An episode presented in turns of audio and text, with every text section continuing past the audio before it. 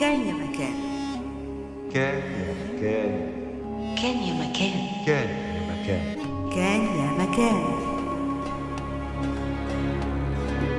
أهلا ومرحبا بكم. أنا منى الشايب وهذه متوالية كان يا مكان. نستكمل اليوم حكايتنا مع ابن الفحام وهي قصة شعبية من التراث التشيكي ترجمة الدكتور خالد البلتاجي.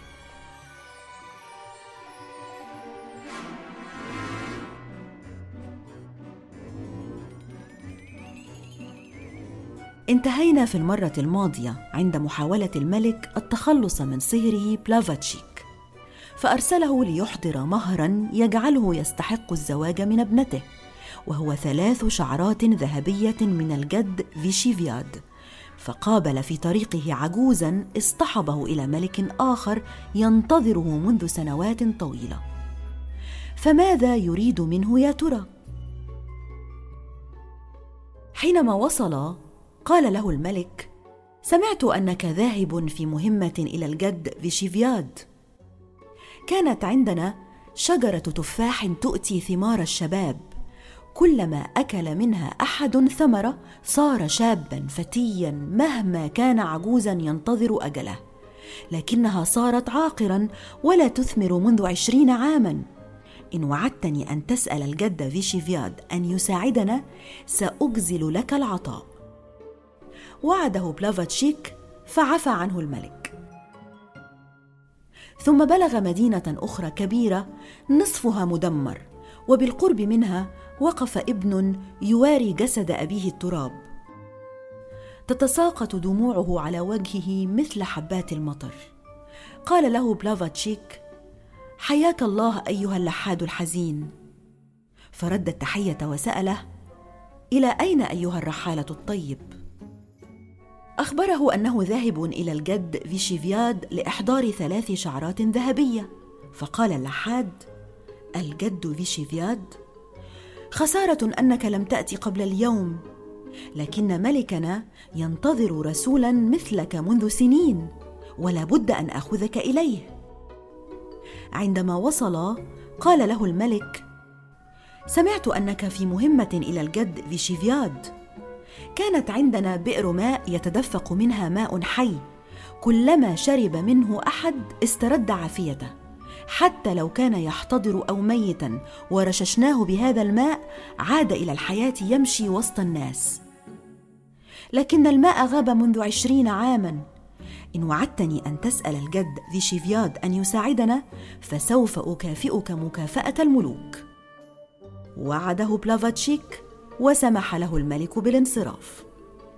ثم مشى طويلا وطويلا في غابة سوداء ورأى وسط الغابة مرجا أخضر فسيحا ممتلئا بزهور جميلة وخلف المرج قصر ذهبي قصر الجد في شيفياد يتلألأ وكأنه نار متوهجة.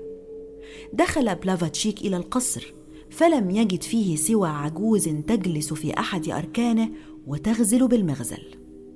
قالت له مرحبا بك يا بلافاتشيك.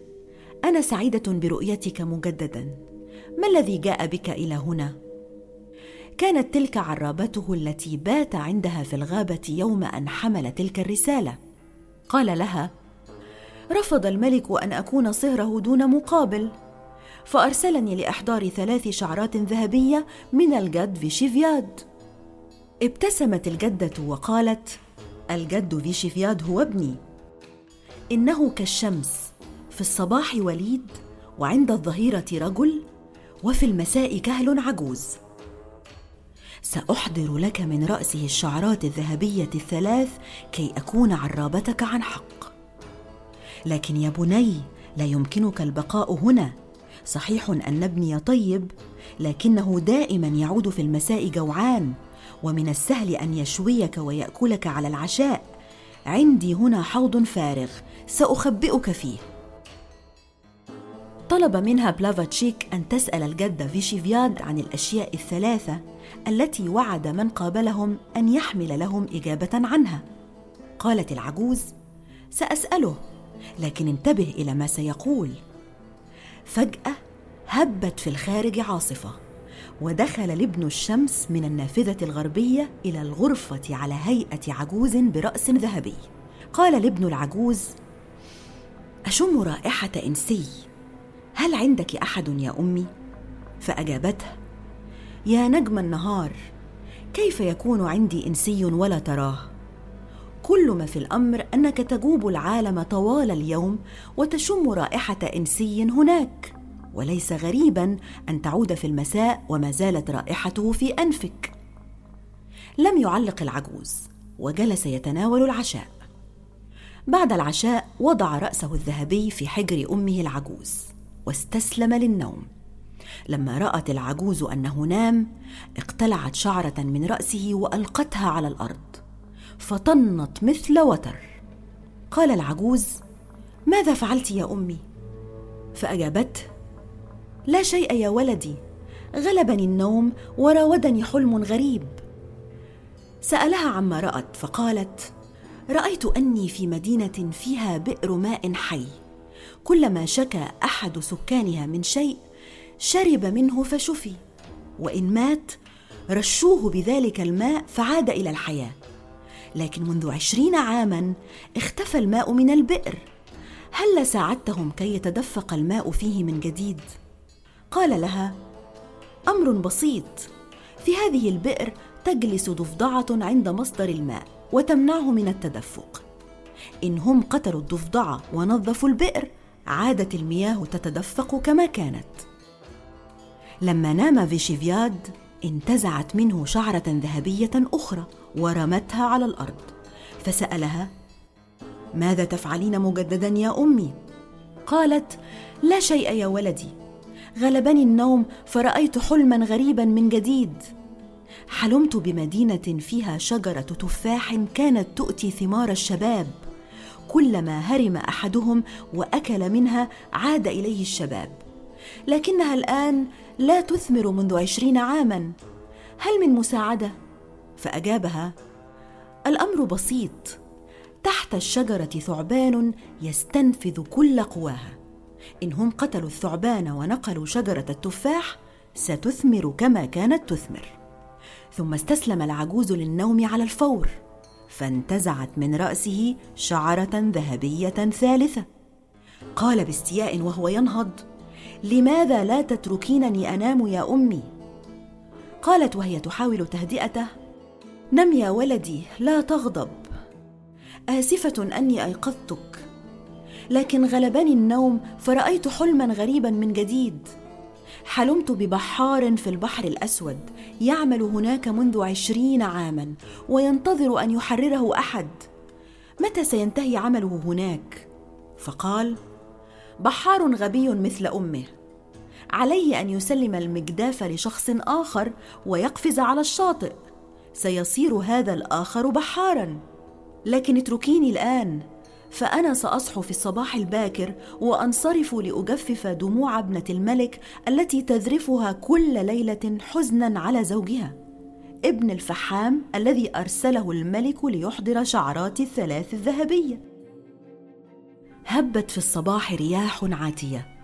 واستيقظ العجوز النائم في حجر أمه. وصار وليدا بشعر ذهبي شموسة جميلة ودعت أمها وطارت من النافذة الشرقية. رفعت العجوز غطاء الحوض وقالت لبلافاتشيك خذ هذه الشعرات الثلاث الذهبية وها أنت تعرف إجابة الجد فيشيفياد عن أسئلتك. فاذهب في رعاية الله ولن تراني بعد اليوم.